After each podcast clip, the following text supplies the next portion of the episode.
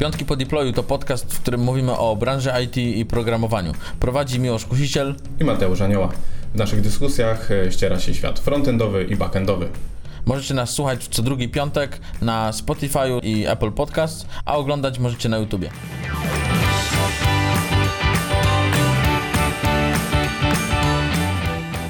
Witam Was bardzo serdecznie w 41. odcinku Piątków po deployu. W dzisiejszym odcinku porozmawiamy sobie o finansach i inwestowaniu, szczególnie z perspektywy programistów i ogólnie branży IT. Aby ten temat właściwie Wam przedstawić, mam dzisiaj specjalnego gościa. Mateusz, jakbyś powiedział kilka słów o sobie. Cześć Mateusz, przede wszystkim dziękuję za zaproszenie.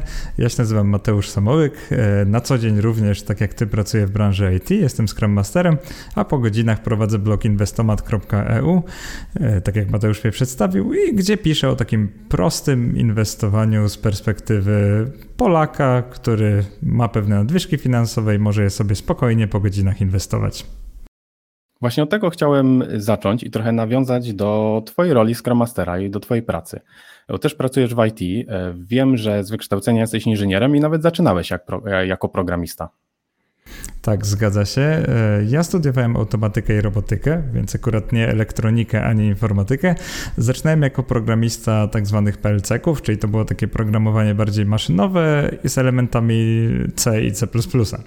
Także zacząłem jako programista, ale później to ewoluowało w kierunku analityka biznesowego, a następnie Scrum Mastera. To jest długa historia, jeżeli chcesz posłuchać, to też mogę zaraz opowiedzieć. Właśnie to jest bardzo ciekawa historia. Jakbyś chociaż w dwóch czy trzech zdaniach przybliżył. Mhm. Było to tak, że gdy programowałem, to sprawiało mi to dużą frajdę, bo jak zresztą pewnie większość z Was to lubi, bo to jest robota bardzo kreatywna, ale denerwowało mnie to, to jeszcze były czasy przed e, Scrumem, Agilem, to był typowy waterfall. E, denerwowało mnie to, że wymagania, które do nas e, przychodziły, były bardzo mało konkretne, więc postanowiłem sam zacząć pisać te wymagania dla programistów, żeby już były, no wiecie, dużo bardziej techniczne, z jakimiś wykresami, tabelami i tak dalej, z jakąś logiką w samym wymaganiu żeby nie dało się ich interpretować opacznie na pięć sposobów. E, następnie, jak byłem przez parę lat analitykiem, to zaczęło mnie denerwować, że warstwa managementu, no wiecie jak to jest. Czasami trochę gorzej ogarniała, czasami nie pracowała jakby dla mnie, tylko za bardzo dla klientów. No i postanowiłem spróbować swoich sił właśnie jako Scrum Master. Jak tylko były początki Scruma, dobre kilka lat temu, to stwierdziłem, że jako były deweloper być może będę miał takie bardziej ludzkie podejście, zarówno dla klienta, jak i dla deweloperów i będę tymi teamami w taki sposób powiedzmy minimalistyczny e, zarządzał. Więc tak się zaczęła moja przygoda jako Scrum Mastera i właśnie już od kilku lat ładnych to robię. No widzę, że po prostu lubisz udoskonalać procesy i to chyba też widać w Twoim sposobie inwestowania. Jak najbardziej. E, proces musi być optymalny, zarówno czasowo, jak i jeżeli chodzi o zyski. Od razu Was ostrzegę, że nie jest to inwestowanie z jakimiś takimi niebotycznymi, ogromnymi zyskami rocznymi, ponieważ moim celem jest takie dość defensywne 10% brutto rocznie, także nie ma tu żadnych fajerwerków. Chodzi o to, żeby nie natrudzić się za bardzo i żeby nie ryzykować za bardzo to właśnie przechodząc już do tego tematu inwestowania, y, dam krótkie intro właśnie, dlaczego rozmawiamy o inwestowaniu. No, głównie na podcaście skierowanym jednak do programistów i głównie mówimy właśnie tutaj o branży IT, o programowaniu, a teraz mówimy o finansach. Tak się składa, że od początku roku wynagrodzenia programistów, czy ogólnie właśnie w całej branży IT, no wzrosły dość znacząco. Mówi się nawet zależnie od raportu, ale też z własnego doświadczenia wiem, że około 20-30% nawet. Do tego większość programistów pracuje na B2B i nie do końca odkłada na emeryturę. No to czy już wierzymy w ZUS, czy nie, to jest inna sprawa, ale również ciągle mówi się o tym, że no, wzrasta inflacja, czyli nie opłaca się tych oszczędności, które mamy, zdecydowanie trzymać na koncie. I pierwszą rzeczą, która zazwyczaj przychodzi na myśl, myślę, że nie tylko programistom, ale ogólnie w Polsce, jak ulokować swoje oszczędności, to są nieruchomości. A ty, Mateusz, masz pewne wyrobione już zdanie na temat inwestowania nieruchomości. Tak, dość widzę, że dyplomatycznie nazwałeś to pewnym, wyrobionym zdaniem. E, powiem w ten sposób, jakbyśmy spojrzeli na ostatnie 4 lata, tutaj będę cytował dane z raportu NBP-u, takie najbardziej publicznie dostępne w Polsce. E, weźmy tylko Warszawę, bo to jest nasza stolica. E, mieszkania na rynku pierwotnym w Warszawie między rokiem 2017 a 2021 ceny wzrosły o 32% w ciągu 4 lat, w zasadzie niecałych. Na rynku wtórnym o 31%. 1,5%. To jest bardzo dużo. Jakby, jakby nie patrzeć, to jest e, bardzo dynamiczny wzrost. I jeżeli ceny rosną tak bardzo, a koszt wynajmu w, w, okresie tym czteroletnim wzrósł tylko o 10,5%, to też właśnie udało mi się wyciągnąć z raportu, zresztą tak z życia widzę, że wynajem wcale tak nie drożeje, jak niektórzy też mówią, to wychodzi na to, że ta inwestycja jest coraz mniej rentowna. I co to oznacza? Oznacza to tyle, że jeżeli byście chcieli kupić mieszkanie na wynajem, nawet na kredyt, kilka lat temu, to moglibyście liczyć na stopę zwrotu w wysokości tak około od 6 do 10% brutto rocznie. To jest bardzo dobra, bardzo wysoka stopa zwrotu, więc jakby nie dziwię się ludziom, którzy wtedy to robili. Natomiast w dniu dzisiejszym, gdybyśmy chcieli zainwestować, czyli już wydać te trochę wyższe kwoty, gdy, podczas gdy wynajem tylko trochę jest droższy niż był, no to byśmy zarabiali już jakieś, sami możecie policzyć, ale między 3 a 4% brutto rocznie co jest, y, jak dla mnie przynajmniej, jak na ten trud, który trzeba włożyć w wynajem mieszkania, po prostu zbyt y, słabym, zbyt niskim wynikiem inwestycyjnym, żebym ja miał się tym interesować. Właśnie też wspominasz o tym trudzie, bo jakby zwrot z inwestycji to jest jedno, ale jednak mieszkanie, jeżeli inwestujemy w takie na wynajem, no trzeba się nim zająć, jakby też trzeba szukać tych lokatorów, trzeba ich w pewnym sensie no też obsługiwać w razie czego, trzeba mieć jakiś fundusz pewnie remontowy, trzeba dbać o umowę, no jak trafimy jeszcze lokatorów powiedzmy no niezbyt grzecznych, to też możemy mieć po drodze troszeczkę więcej pracy. I wydaje mi się, że to też jest aspekt, który znowu nie każdemu może jednak pasować. Mm, tak, to jest aspekt często pomijany i zauważyłem, że niektórzy, zwłaszcza w internecie, tacy, tacy no nie chcę nazwać ich guru mieszkaniowi, ale na pewno wiecie o co chodzi. Ludzie, którzy reklamują inwestowanie w nieruchomości, często nazywają je przychodem pasywnym. Mój problem z nieruchomościami jest taki, że dopóki nie oddamy tego w zarządzanie firmie, która zazwyczaj e, inkasuje gdzieś połowę naszego zysku miesięcznego, no to nie będzie to pasywny dochód, tylko będzie to całkiem aktywne. E, I mnie akurat osobiście nie przekonuje takie podejście, że no ale przecież można trafić na bardzo dobrych wynajmujących, do bardzo dobrych lokatorów e, i przez na przykład lata nic nie musieć robić, ale to jest bardzo rzadkie. Zazwyczaj, tak jak Mateusz powiedział, albo mamy jakieś jakieś drobne komplikacje, albo remonty co kilka lat, zabawy w umowy, e, tu studenci opuszczają nasze mieszkanie, to, to nie jest dla mnie dochód pasywny to innym takim pomysłem często, jak e, ulokować swoje oszczędności, szczególnie jeżeli mamy kredyt hipoteczny, właśnie nie e, w celach inwestycyjnych, ale na własne mieszkanie, jednak Polacy preferują kupować własne mieszkania, no to wydaje się też e, dobrym pomysłem wtedy nadpłata kredytu hipotecznego. I jest to w pewien sposób jakby no bezpieczny sposób lokowania tych oszczędności. Wiemy, że czy to obniżamy sobie ratę kredytu, czy to skracamy ten okres kredytowania, i jest to pewien pewny zysk też. E, tylko czy to jest optymalne? Tak, i tutaj dotykamy bardzo ciężkiego tematu, ponieważ tak czysto behawioralnie E, potrafię zrozumieć, dlaczego ludzie nadpłacają kredyt i to w dowolnych czasach, nawet jak stopy procentowe są tak niskie jak teraz. Tak w skrócie, jeżeli stopy procentowe są tak niskie jak teraz, to oczywiście poza marżą banku tak naprawdę mało co płacimy rocznie na ten kredyt, więc kredyty są, kredyty hipoteczne oczywiście są prawie darmowe. Jeżeli kredyt jest prawie darmowy, a czy to na obligacjach, czy to na akcjach, gdzieś tam na giełdzie możemy cokolwiek zarobić, no to tak myślę, że intuicyjnie czujemy, że może lepiej zrobić z tymi pieniędzmi coś innego niż nadpłacać nasz kredyt. Ale tak jak powiedziałem, to jest temat o tyle ciężki, że. Yy, po pierwsze, Mateusz już o tym wspomniał, że spłacając ten kredyt, raty będą nam malały, mniej zostanie, więc będziemy się psychicznie lepiej czuli, jak będziemy nadpłacać, więc zupełnie potrafię to zrozumieć. E, druga sprawa jest taka, że nie mamy żadnej gwarancji. Żadna inwestycja nie da nam gwarancji, że zarobimy, więc może być tak, że zamiast spłacać raty kredytu, te pieniądze na przykład zainwestujemy w akcje giełdowe lub fundusze, o których zaraz sobie porozmawiamy, więc na spokojnie, a one żadnego zysku nam nie gwarantują, więc w krótkim terminie możemy nawet nawet na tym stracić. Więc e, jakby jeżeli jesteśmy początkujący, to to podejście ma, powiedziałbym, duży meryt i duży sens. E, ale oczywiście są alternatywy, o których zaraz, jak mnie mam, porozmawiamy. Tak, tak. I właśnie przechodząc już trochę do sedna właśnie tej rozmowy, ja powiem Ci, że miałem takie wyobrażenie o inwestowaniu, e, czy to w akcje, czy powiedzmy w inne e, aktywa finansowe, że jest to coś, co wymaga czasu. I jakby no ja wolę się skupić jednak na rozwoju zawodowym, na pracy, na uzyskiwaniu gdzieś tam nowych umiejętności, e, bo jednak ewentualna podwyżka jest dla mnie atrakcyjniejsza niż no, edukacja i inwestycja na giełdzie, która też wymaga czasu, analizy, a jednak to jest nie do końca prawda i można inwestować, nie poświęcając e, no, na to całego naszego wolnego czasu. Mm, tak, i to o czym powiedziałeś, czyli tak zwane inwestowanie pasywne, to jest chyba no jeden, jeden z głównych przedmiotów mojej działalności blogowej, blogerskiej. Właśnie na Inwestomacie piszę głównie o inwestowaniu pasywnym. E, a na czym to polega tak w bardzo dużym skrócie? Dla osób, które są zupełnymi lajkami, może słyszały kiedyś o akcjach, ale nie znają się na tym za, za dobrze. Wyobraźcie sobie, że inwestując w akcje spółek giełdowych, bardzo ryzykujecie, ponieważ jako osoby prywatne, jako drobni inwestorzy kupicie pewnie maksymalnie 10 lub 15 różnych spółek, e, o których, tak jak Mateusz przed chwilą powiedział, musicie się dużo dowiedzieć, musicie zrozumieć ich profil działalności, musicie przeprowadzić analizę i nawet jak wam się to uda, to będziecie w stanie kupić kilkanaście, może kilkadziesiąt spółek, z których każda jest bardzo zmienna. Zmienna, czyli cena na giełdzie się rusza to w dół, to w górę z bardzo dużą dynamiką zazwyczaj.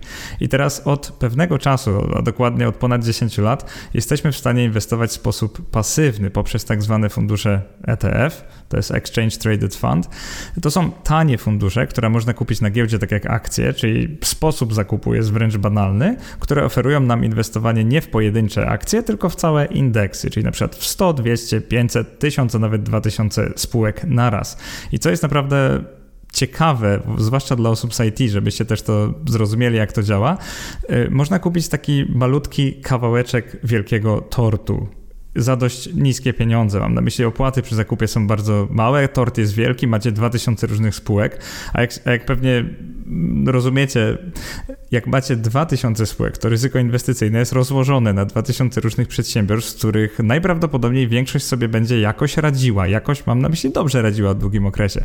Więc nie dość, że upraszczacie sobie życie, bo nie wybieracie, tylko kupujecie cały koszyk, to jeszcze w długim terminie, te, terminie najprawdopodobniej będziecie zarabiać. A jeżeli chcecie przeznaczyć czas na właśnie jakieś kursy, szkolenia, powiększyć swoją wiedzę zawodową, tak jak ja też robię, zresztą Mateusz tutaj też słyszeliśmy, no to sugerowałbym faktycznie zwiększyć swoje zarobki, a w międzyczasie inwestować pasywnie, zamiast ryzykować nadmiernie, stresować się i móc stracić za dużo pieniędzy, wybierając e, samodzielnie akcje. Wspomniałeś, że to inwestowanie pasywne przez ETF-y jest dostępne od jakichś 10 lat. Jak ja się zainteresowałem trochę i czytałem, to mamy jeszcze coś takiego jak fundusze indeksowe, które już powstały w latach 70. Mhm. Same ETF-y powstały w latach 90. Natomiast widzę, że one zyskują popularność przynajmniej w ostatnich kilku latach. Jak to właśnie się stało, że to inwestowanie pasywne, szczególnie te ETF-y właśnie zyskują na popularności teraz dopiero? Mhm. Bardzo dobre pytanie. Wspomniałem, że od 10 lat, po 10 lat w Europie to się staje także popularne, ale tak jak powiedziałeś, fundusze ETF z nami są od e, właśnie już prawie trzech dekad. E, na popularności zyskiwały dość powoli. Prawdopodobnie teraz tutaj też trochę zgaduję, prawdopodobnie dlatego, że kampanie marketingowe takich tradycyjnych funduszy inwestycyjnych, e, żebyście zrozumieli, co to jest, to są no, tak zwane towarzystwa funduszy inwestycyjnych.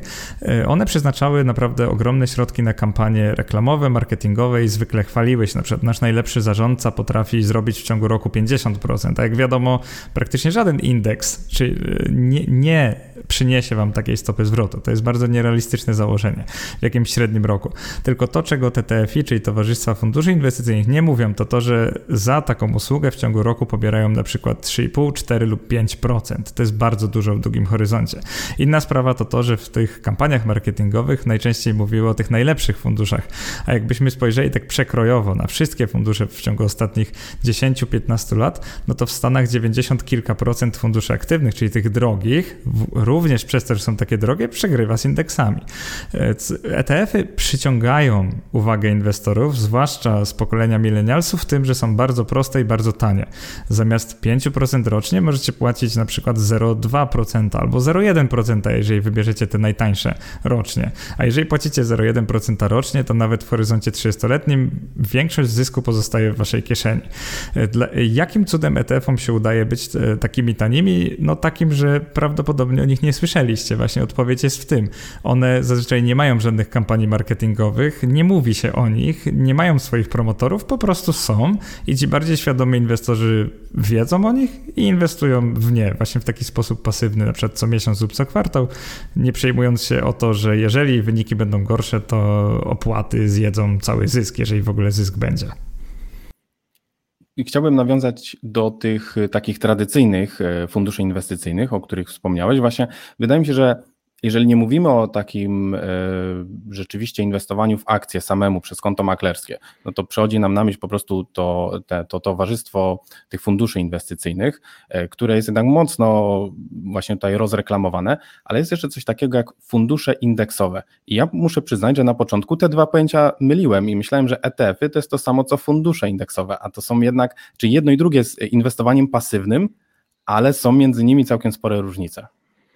Tak, e, faktycznie w pierwszym pytaniu e, spytałeś o to, ja to, tak zręcznie to ominąłem, więc teraz wyjaśniam, bo to, e, to, też nie jest aż takie trudne. Więc fundusze dzielimy na fundusze aktywnie zarządzane i pasywnie zarządzane. Aktywnie zarządzane zwykle są droższe i tak jak sama nazwa wskazuje, aktywnie, czyli siedzi tam jakiś człowiek zarządzający, ma pewną wiedzę lub strategię i próbuje się jej trzymać. Tylko to jest uznaniowe wtedy. Mamy zarządzającego, płacimy mu zwykle no, dość grube pieniądze rocznie i ta osoba z tymi pieniędzmi tak tak naprawdę może zrobić co chce. Czyli jeżeli taki fundusz będzie się nazywał akcji amerykańskich, to ta, ten człowiek wybiera za nas akcje amerykańskie według własnego uznania, wiedzy i doświadczenia. Jeżeli chodzi o fundusze pasywne, tutaj właśnie będzie większość, yy, większość ETF-ów, ale to zaraz. Fundusze pasywne tak naprawdę też mogą być drogie lub tanie, też mogą być notowane na giełdzie lub nie, zaraz o tym omówimy, ale pasywne oznacza to, że podążają za indeksem. Czyli w tle można sobie wyobrazić, jest jakiś algorytm, który sprawdza, jaka jest struktura akcji w danym indeksie danego dnia. Akurat indeksy wcale nie szaflują, nie zmieniają tak swojej struktury z dnia na dzień, tylko zwykle to jest co miesiąc, co kwartał, nawet co pół roku, e, więc nie będzie to jakieś bardzo skomplikowane, ale taki fundusz po prostu próbuje nadążyć za konkretnym benchmarkiem benchmarkiem. Więc wyobraźcie sobie, że ktoś kiedyś wpadł na jakiś benchmark, na przykład 500 największych spółek w Ameryce, w Stanach Zjednoczonych i fundusz indeksowy będzie próbował naśladować ruchy właśnie takiego aktywa, w sensie indeksu. E, więc jest to proste na tak zwanym backendzie, tak, tak, tak naszym językiem. E, więc nie musimy płacić za zarządzanie, bo to robi komputer, algorytm, który już pewnie jest gotowy i wcale nie jest jakoś trudno, wiecie, maintenance jakoś nie kosztuje bardzo dużo, więc to jest o tyle taniej. I teraz, jeżeli chodzi o podział na ETF-y i nie ETF-y, czyli fundusze tradycyjne, jest to jakby podział na innej płaszczyźnie, ponieważ ETF, czyli Exchange Traded Fund, oznacza tylko tyle, że da się go łatwo kupić na giełdzie. E, około 75% ETF-ów europejskich obecnie, tutaj też się przygotowałem do rozmowy trochę, e, jest pasywne, zarządzane pasywnie, czyli ETF-y zazwyczaj podążają za indeksami, ale nie zawsze. Więc jeżeli już zaczniecie inwestować w ETF-y, to też możecie pobawić się trochę bardziej aktywnie, mieć tam odrobinę szaleństwa i, i takiej uznaniowości, na przykład wybierając konkretne branże na giełdzie albo spółki tyl wyłącznie małe lub wyłącznie duże, dla przykładu. E, natomiast wśród tradycyjnych funduszy inwestycyjnych, tych, o których mówiłem wcześniej droższe, również istnieją fundusze indeksowe, tak jak Mateusz tutaj powiedział. One już istnieją od ponad 30 lat. Natomiast zwykle są trochę droższe i jako minus dla nas jest taki, że nie możemy ich kupić na giełdzie, czyli wyobraźcie sobie, że sposób zakupu jest trochę złożony, czyli musicie na przykład wypełnić jakiś formularz na stronie, czasami no się śmieje, wysłać list, gdzieś tam przelać pieniądze. Nie jest to takie proste jak posiadanie zwykłego konta maklerskiego, co miesięczna wpłata i wiecie, jedno kliknięcie, żeby coś kupić. Więc tutaj akurat wygrywają ETF-y. Więc to, o czym my tutaj mówimy dzisiaj, to są ETF-y, ale te, które do, dodatkowo inwestują pasywnie, więc chcemy mieć jak najprościej zatem ETF-y, żeby łatwo móc je kupić i sprzedać i jak najtaniej zatem pasywne ETF-y, czyli te, które po prostu podążają za indeksami, umożliwiając Wam taką właśnie indeksową, rynkową stopę zwrotu bez jakiegoś szaleństwa, ale też, też bez uiszczania nie wiadomo jakich opłat. To właśnie o tym wspomniałeś, o tym koncie maklerskim i ja tutaj się uczciwie nad tym zastanawiałem, bo z Twojej perspektywy pewnie e, założenie konta maklerskiego i zlecanie właśnie kupna sprzedaży jest łatwiejsze, a zastanawiam się, czy te fundusze może właśnie dlatego nie są, e, przynajmniej w Polsce, bardziej popularne, dlatego że wystarczy, że przelejemy e, nasze pieniądze na konto danego towarzystwa i już się niczym nie przejmujemy. Możemy im po prostu te pieniądze przesyłać, a jednak tu w koncie maklerskim, no to my składamy E, chęć kupna czy sprzedaży danych akcji, czy po prostu jednostek ETF-ów. Tak, e, doszliśmy do chyba największego problemu z ETF-ami. E, większość z nich jest notowana na giełdach zagranicznych, czyli ich zakup nie będzie tak prosty, jak na przykład macie w tym miesiącu, nie wiem, 2000 wolne do zainwestowania złotych i te 2000 złotych po prostu składacie zlecenie za 2000 chcę kupić danego ETF-a, dany ETF. Niestety to nie będzie takie proste, ponieważ musicie jeszcze przejrzeć walutę, najczęściej to jest dolar amerykański albo euro, czasami też funt brytyjski, więc musicie nauczyć się, jak składać zlecenia i tak jak właśnie tutaj Mateusz powiedział, nie jest to takie proste dla, dla laika. To, czego o sobie nie, nie powiedziałem, to to, że inwestuję od 10 lat, więc pewnie mnie się wydaje to proste, bo możecie się domyślić, że setki, no właściwie tysiące razy już składałem jakieś zlecenie, więc ja to robię praktycznie automatycznie. Natomiast dla laika nie będzie takie zupełnie proste. I tutaj... Yy, pomaga nieco to, że od pewnego też czasu, od dobrych kilku lat, y, mamy też ETF-y notowane w polskim złotym, które są na polskiej giełdzie. Ich niestety nie ma zbyt dużo. Dzisiaj jest to między 8 a 10, akurat nie sprawdzałem, bo kilka tam ostatnio odeszło, kilka doszło, ale około 8. I niestety one są dość ograniczone, czyli mamy jeden na rynek amerykański, jeden na rynek niemiecki, a tak to głównie na Polskę, na polskie indeksy i to jeszcze nie wszystkie indeksy giełdowe. Więc te nasze ETF-y są troszkę okrojone. Jest o wiele łatwiej łatwiej je kupić, ponieważ są notowane w złotówce, więc bardzo łatwo się je kupuje, ale minusem jest to, że jest ich dość mało i są dość drogie, przynajmniej większość z nich jest dość droga w tej rocznej perspektywie. Więc tak jak mówisz Mateusz, to jest pewne rzemiosło, trzeba się no niestety, tak jak wszystkiego w życiu tego nauczyć, ale podejrzewam, że tutaj widzowie i słuchacze nie mają problemu z nauką. Skoro programujecie, to na pewno nie jest wam to obce, więc, więc ta nauka składania zleceń na zagraniczne, na aktywa notowane w zagranicznych walutach, to może nie będzie jakiś tam rocket science. Mam nadzieję przynajmniej. Tu, tutaj też, y, to, to, jeżeli mógłbym, to też bym odsyłał do mojego bloga. Jak coś nawet zadawajcie pytania, y, czy właśnie pod tym y, filmikiem, czy, czy zajrzyjcie na mojego bloga, ja chętnie odpowiem i też mam takie wpisy o składaniu zleceń giełdowych, które powinny wam trochę przynajmniej w tym pomóc. Zdecydowanie. Myślę, że szczególnie jako ludzie związani z IT, z jakimś interfejsem właśnie konta maklerskiego nie powinniśmy mieć problemu. I wyobraźmy sobie teraz taką sytuację. Założyliśmy już to konto maklerskie, przelaliśmy środki, zdecydowaliśmy się nawet na konkretnego ETF-a, w którego zainwestujemy. Zależnie od konta maklerskiego mamy ich kilkaset pewnie dostępnych. I teraz największym wyzwaniem chyba jest nie sprawdzać e, no, codziennie, jak on sobie radzi, tylko właśnie w inwestowaniu pasywnym największym wyzwaniem może być to, co jest zawarte w nazwie, czyli ma być pasywne. Przelewamy pieniądze, kupujemy konkretne ETF-y i trzymamy 5, 10, 15 lat, pewnie im dłużej, tym lepiej i nie sprawdzamy, e, jak on sobie radzi, no bo możemy, e, niestety może nas skusić, żeby je sprzedać i podejmiemy złą decyzję. Tak, to jest właśnie największy problem początkujących inwestorów. E, niestety, jeżeli jesteście przyzwyczajeni na przykład do lokat lub obligacji, to pewnie takie wyniki inwestycyjne pomiędzy, dajmy na to, dwoma a pięcioma procentami rocznie, to jest dla was norma. Widzieliście już takie, takie zyski. Więc jeżeli zainwestowalibyście 100 zł i w ciągu roku mieli z tego na przykład 2 lub 3 zł zysku, to to jest dla was ok. Jesteście do tego przyzwyczajeni przez lata tak naprawdę lokaty oferowały podobny zysk. I teraz wyobraźcie sobie, że jutro inwestujecie swoje 100 zł, i w ciągu jednego lub dwóch dni macie te dwa lub trzy złote zysku, ponieważ tak dokładnie działają giełdy papierów wartościowych. I to oczywiście nie oznacza, że będziecie mieli codziennie taki zysk, bo wkrótce byście byli milionerami z tej stówki. E, to działa tak, że rynki akcji są dość zmienne, więc takie ruchy typu plus, plus minus 1% dziennie to jest absolutna norma. Ruchy typu plus minus 2% dziennie też się zdarzają. I tak jak powiedziałem, w obydwie strony. Więc jeżeli inwestujecie pieniądze, które no, na coś potrzebujecie, właśnie chcecie na wkład własny mieszkania, czy na jakiś prezent dla kogoś, czy, czy na samochód odkładacie w jakimś celu, czy można na jakąś inwestycję w swoją firmę, no uważam, że wtedy trudniej jest opanować emocje, bo jeżeli macie krótki termin i zainwestujecie na giełdzie, no to jeżeli wzrosło o 5% w ciągu miesiąca, to kusi, żeby sprzedać. Jeżeli spadło o 5% w ciągu miesiąca, to jeszcze bardziej kusi, żeby sprzedać, bo niestety ludzka psychika jest taka, że boicie się o swoje pieniądze i całkiem zrozumiale. Powinniśmy się bać o swoje pieniądze. To, to jest normalne.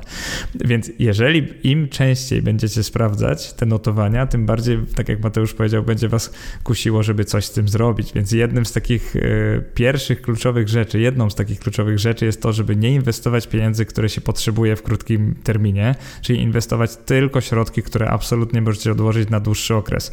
Dłuższy okres 10, 15, 20, 25 lat. Dla mnie to jest taki ekstremalny okres. Ja, ja w tym roku akurat kończę 32 lata Więc dla mnie to jest nawet 30 kilka lat. I jeżeli mogę na tyle odłożyć pieniądze, to bardzo łatwo jest mi nie przejmować się, czy w ten piątek mam 100 tysięcy, czy 105 tysięcy, żebyście zrozumieli o co chodzi. Nie ma dla mnie żadnej różnicy, ponieważ nie zamierzam tego, tego na razie sprzedawać. A powiedz mi, niektórzy e, blogerzy też, jak zapoznajemy się z materiałami, właśnie jak e, zacząć inwestować, często e, dzielą sobie rodzaje może inwestycji na różnego rodzaju tak zwane portfele. Czasem mówimy o poduszce finansowej, o portfelu długoterminowym, mimo że o portfelu takim bardziej ofensywnym.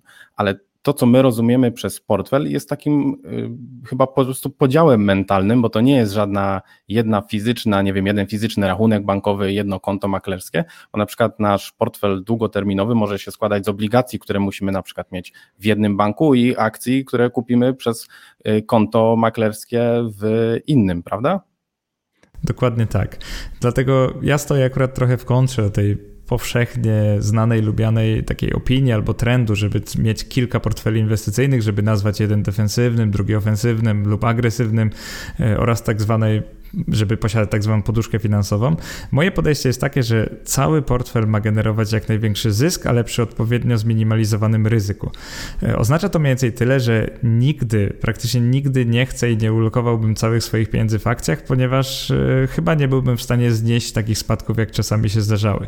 E, spójrzmy na rok 2000, gdzie właśnie akcje tych spółek technologicznych spadały o nawet 80% w ciągu roku. Później 2008, gdzie właściwie akcje wszystkich spółek na rynku w Stanach Zjednoczonych Zjednoczonych spadało 50, 60, niektórych nawet 70%. I wyobraźcie sobie, że w tym momencie jesteście początkujący i macie 100% środków w akcjach. Dlatego bardzo rozsądnym podejściem jest posiadanie takiego portfela jako właśnie całości, który ma zdefiniowany procent akcji i zdefiniowany na przykład obligacji lub jakichś kruszców, czegoś innego niż akcji, żeby po prostu nie zachowywało się tak samo jak rynki akcji. Dla początkujących często takim najlepszym wariantem jest coś w stylu 50 na 50 albo 60 na 40, żeby mieć trochę więcej akcji, no bo oczywiście y, każdy, kto zna matematykę i, i, i, też y, wie, że akcje w długim terminie po prostu rosną o wiele szybciej od obligacji, to będzie wiedział, że jednak optymalnym jest posiadać 100% akcji. No ale co z tego, że jest optymalnym, jeżeli my początkujący nie będziemy w stanie wytrzymać tych spadków, jak one nadejdą i sprzedamy wszystkie akcje w najgorszym momencie.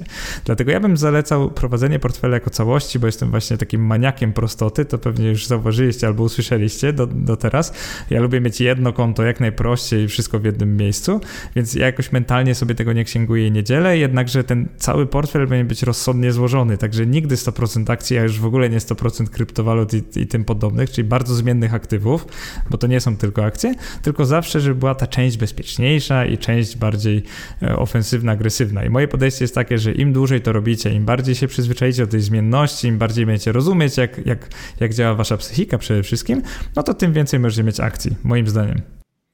Chyba nawet są dostępne takie ETF-y od niedawna, e, też w Polsce od niedawna, e, które równocześnie rozkładają właśnie e, odpowiedni stosunek od razu, mają akcji do obligacji.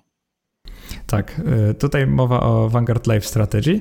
To są fundusze ETF, w które możecie zainwestować pieniądze i one nie dość, że tak jak wcześniej wam mówiłem na przykład, że inwestują w 2000 akcji różnych spółek, czy akcje, akcje 2000 różnych spółek, no to wyobraźcie sobie, że jest taki fundusz, który nie dość, że inwestuje w ponad 3000 różnych spółek, to jeszcze inwestuje w 2000 różnych obligacji, czyli można nie dość, że zainwestować w spółki, trochę bardziej zaryzykować, to można jeszcze pożyczyć pieniądze państwom i firmom i to jest różne państwa, różne firmy, także macie pełen przekrój walut światowych, macie różne aktywa, właśnie bardzo mało zmienne i to wszystko w tym jednym pakieciku. Jeden minus tych funduszy jest taki, że jednak kosztują 0,25%, czyli 1 czwartą procenta rocznie, co dalej jest dość tanio, tak zupełnie szczerze. To nie jest drogi fundusz, natomiast on jest y, droższy od większości podobnych ETF-ów, więc jakby płacimy za to pewną cenę, żeby być zupełnie obiektywnym. Jednakże jest to prostota absolutna, jeżeli chodzi o inwestowanie.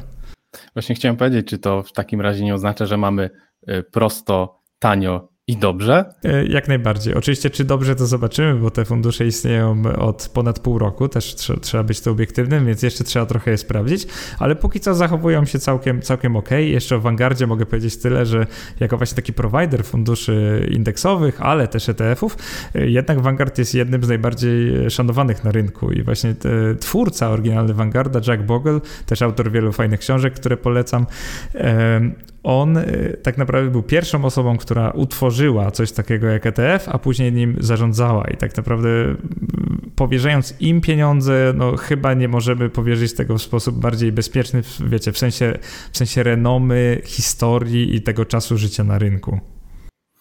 Słuchaj, zbliżając się pomału do końca, chciałbym poruszyć jeszcze jeden temat i to są konta IKE i IGZE, szczególnie w tej wersji maklerskiej, bo jeżeli mówimy o właśnie tanim inwestowaniu, no to one mogą nam też e, pomóc zredukować te koszty, które musimy e, ponosić. E, tutaj akurat w postaci tego podatki od przychodów kapitałowych. Tak, o podatku Belki pewnie słyszeliście, zakładam. To jest ten podatek, który płacimy nawet e, mając lokatę lub depozyt w banku. Przy każdej wypłacie odsetek płacimy, w zasadzie bank płaci, bo on odciąga 19% z tych odsetek, więc założę się, że się z nim spotkaliście, nawet jeżeli nigdy nie inwestowaliście na giełdzie. To jest podatek od zysków kapitałowych 19%. E, być może słyszeliście o tak zwanym trzecim filarze emerytalnym, bo ostatnio w ramach niego też można prowadzić te PPK, ale w tym filarze już od lat były takie konta jak IKE i IGZE. Jeżeli na przykład ktoś z waszej rodziny lub nawet wy macie IKE i IGZE, to prawdopodobnie prowadzicie w ramach właśnie banku, czyli w ramach lokaty bankowej, może też w ramach obligacji skarbowych, ponieważ PKO takie coś umożliwia już od lat. Natomiast to, co można zrobić, to co myślę, że jest bardzo rozsądne na sam początek, zwłaszcza, że te konta mają pewne limity roczne i tutaj od razu powiedzmy sobie, że to jest w tej chwili nie dla przedsiębiorców, to będzie na IKE około 16 tysięcy, na IGZE około 6, dla przedsiębiorców na IGZE jest trochę więcej, tam około 9-10 już. To jest 50% 10% więcej. I zamiast inwestować od razu wielkimi środkami, możecie zacząć właśnie od tych kont. No i teraz jaki jest z nich główny benefit? One umożliwiają Wam, jeżeli spełnicie kon pewne konkretne warunki, czyli mówiąc wprost i krótko dotrwacie do emerytury. W przypadku IKE jest to wiek 60 lat, w przypadku IKZE 65. Jeżeli dotrwacie do tego okresu, to jesteście zwolnieni całkowicie z podatku belki, czyli tych 19% od zysku ze swoich inwestycji. Żeby tak trochę liczbowo, bo wiem, że to potrafi człowieka bardzo zachęcić, jeżeli byście 30 lat temu zainwestowali w indeks S&P 500 na przykład i przechowali to na takim koncie i gdybyście inwestowali, nie wiem, nawet te 10 tysięcy rocznie, oczywiście zł, wiadomo, że mieliśmy denominacje i tak dalej, więc zróbmy sobie z tego mentalnie dolary. Gdybyście tak inwestowali, no to y, kwota inwestycji łączna wynosiłaby kilkaset tysięcy złotych, natomiast kwota, którą byście mieli na IKE na końcu to było kilka milionów złotych. Warto to sobie uświadomić, że taka, taki był wzrost właśnie cen akcji w ostatnich 30 latach. I wyobraźcie sobie, że waszym zyskiem jest też kilka milionów złotych i 19% z tego możecie oszczędzić tylko dlatego, że wybraliście takie, a nie inne konto. Więc ja bardzo zachęcam do przyjrzenia się właśnie ofercie e, IKE i maklerskich i w ogóle tego, żeby uświadomić sobie, że one istnieją, bo o tym się nie mówi, natomiast jak najbardziej IKE i IGZE można prowadzić w ten sposób. Jeszcze tak na zachętę, ja na swoim IKE już mam ponad 100 tysięcy złotych, inwestuję na nim od 4 lat i wyobraźcie sobie, że już odczuwam te profity, ponieważ jak na przykład spływają dywidendy z tych 100 tysięcy złotych, w tym roku już to będzie prawie 9 tysięcy, no to nie płacę od tego podatku belki. Tak jak inni inwestorzy na zwykłych kontach by zapłacili te kilka tysięcy, to ja tego już nie płacę teraz. I jeżeli wytrwam do emerytury, nie będę musiał tego podatku nikomu płacić, nikomu zwracać. To słuchaj, podsumowując, wydaje mi się, że jeżeli ktoś chciałby zacząć inwestować, to co powiesz na taki plan, że właśnie zakładamy konto IKE, IGZE lub obydwa w tej formie maklerskiej, wykorzystujemy limity lub tyle, ile chcemy zainwestować, uczymy się inwestowania, szukamy ETF-ów czy innej formy, która nas, y, nas interesuje, i jeżeli mamy jakieś nadwyżki ponad te limity IKE, IGZE, to wtedy na przykład spłacamy sobie ten kredyt hipoteczny. I chyba właśnie znaleźliśmy świętego graala inwestowania, zwłaszcza dla początkujących.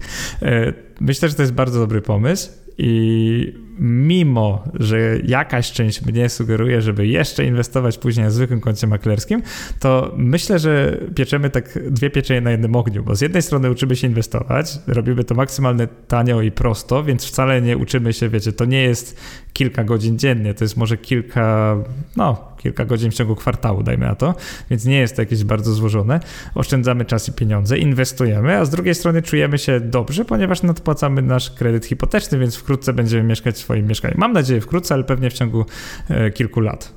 Jak pracujemy w branży IT, z tym boomem wynagrodzeń, który teraz mamy pewnie w ciągu kilku lat, osiągniemy taki fajny spokój psychiczny i jeszcze będziemy mieli wykorzystane limity tych kont. No i pamiętajcie, im dłużej inwestujecie przez te konta, tym lepiej, ponieważ tym dłużej ten procent składany wam się gromadzi, narasta i tym więcej oszczędzicie na podatku na samym końcu. Dobrze, dziękuję Ci uprzejmie za świetną rozmowę. Myślę, że taką podstawową wiedzę, jak tylko mogliśmy w sposób kompaktowy, chciałem powiedzieć, przekazaliśmy, no ale głównie to jednak Ty przekazałeś tutaj. Ja na pewno zachęcam wszystkich, których temat zainteresował do sprawdzenia Twojego bloga, szczególnie takiej sekcji jak zacząć, ponieważ tam masz wszystkie artykuły, które będą e, pomocne i ładnie przeprowadzą e, przez wszystkie punkty, e, z którymi się trzeba poznać na samym początku. Ja Tobie też, Mateusz, dziękuję za bardzo dobrze przeprowadzoną rozmowę i myślę, że bez Twoich pytań czasami bym coś pomijał i zapominał, więc powiem, e, powiem tak, no jakby nie patrzeć obiektywnie, że Ty też tutaj bardzo dobrze poprowadziłeś. Zapraszam oczywiście na, na mój blog i bardzo miło się rozmawiało. Super, dziękuję Ci uprzejmie, do usłyszenia, do zobaczenia, cześć. Dzięki, cześć.